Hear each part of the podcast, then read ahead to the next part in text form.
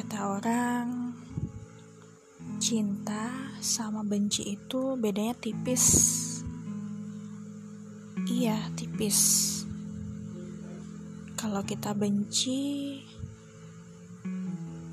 sama seseorang, pasti kita bakal cari tahu apa kesukaan dia,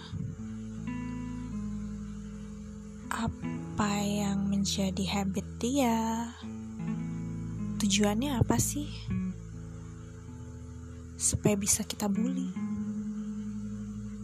Tapi kalau kita cinta sama seseorang,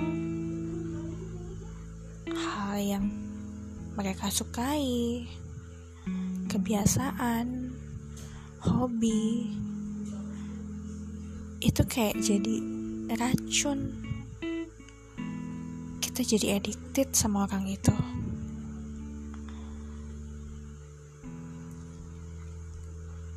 Pernah gak sih kalian ngerasain cinta sama seseorang sampai akhirnya kamu benci juga dengan orang yang sama?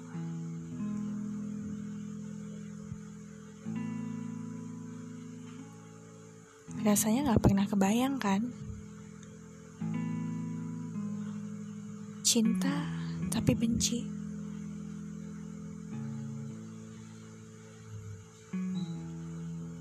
Gak pernah sih. Gue juga ngebayangin cinta sama seseorang, tapi kemudian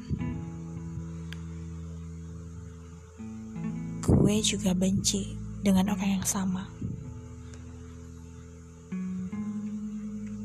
Segala hal yang berkaitan dengan dia menjadi hal yang paling gak pengen gue sentuh. Menjadi hal yang paling pengen gue hindari.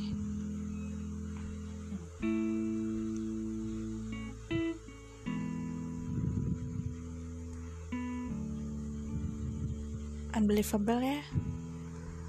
Ternyata cinta sama benci itu emang bedanya tipis setipis kaca yang bisa dipecahin gitu aja.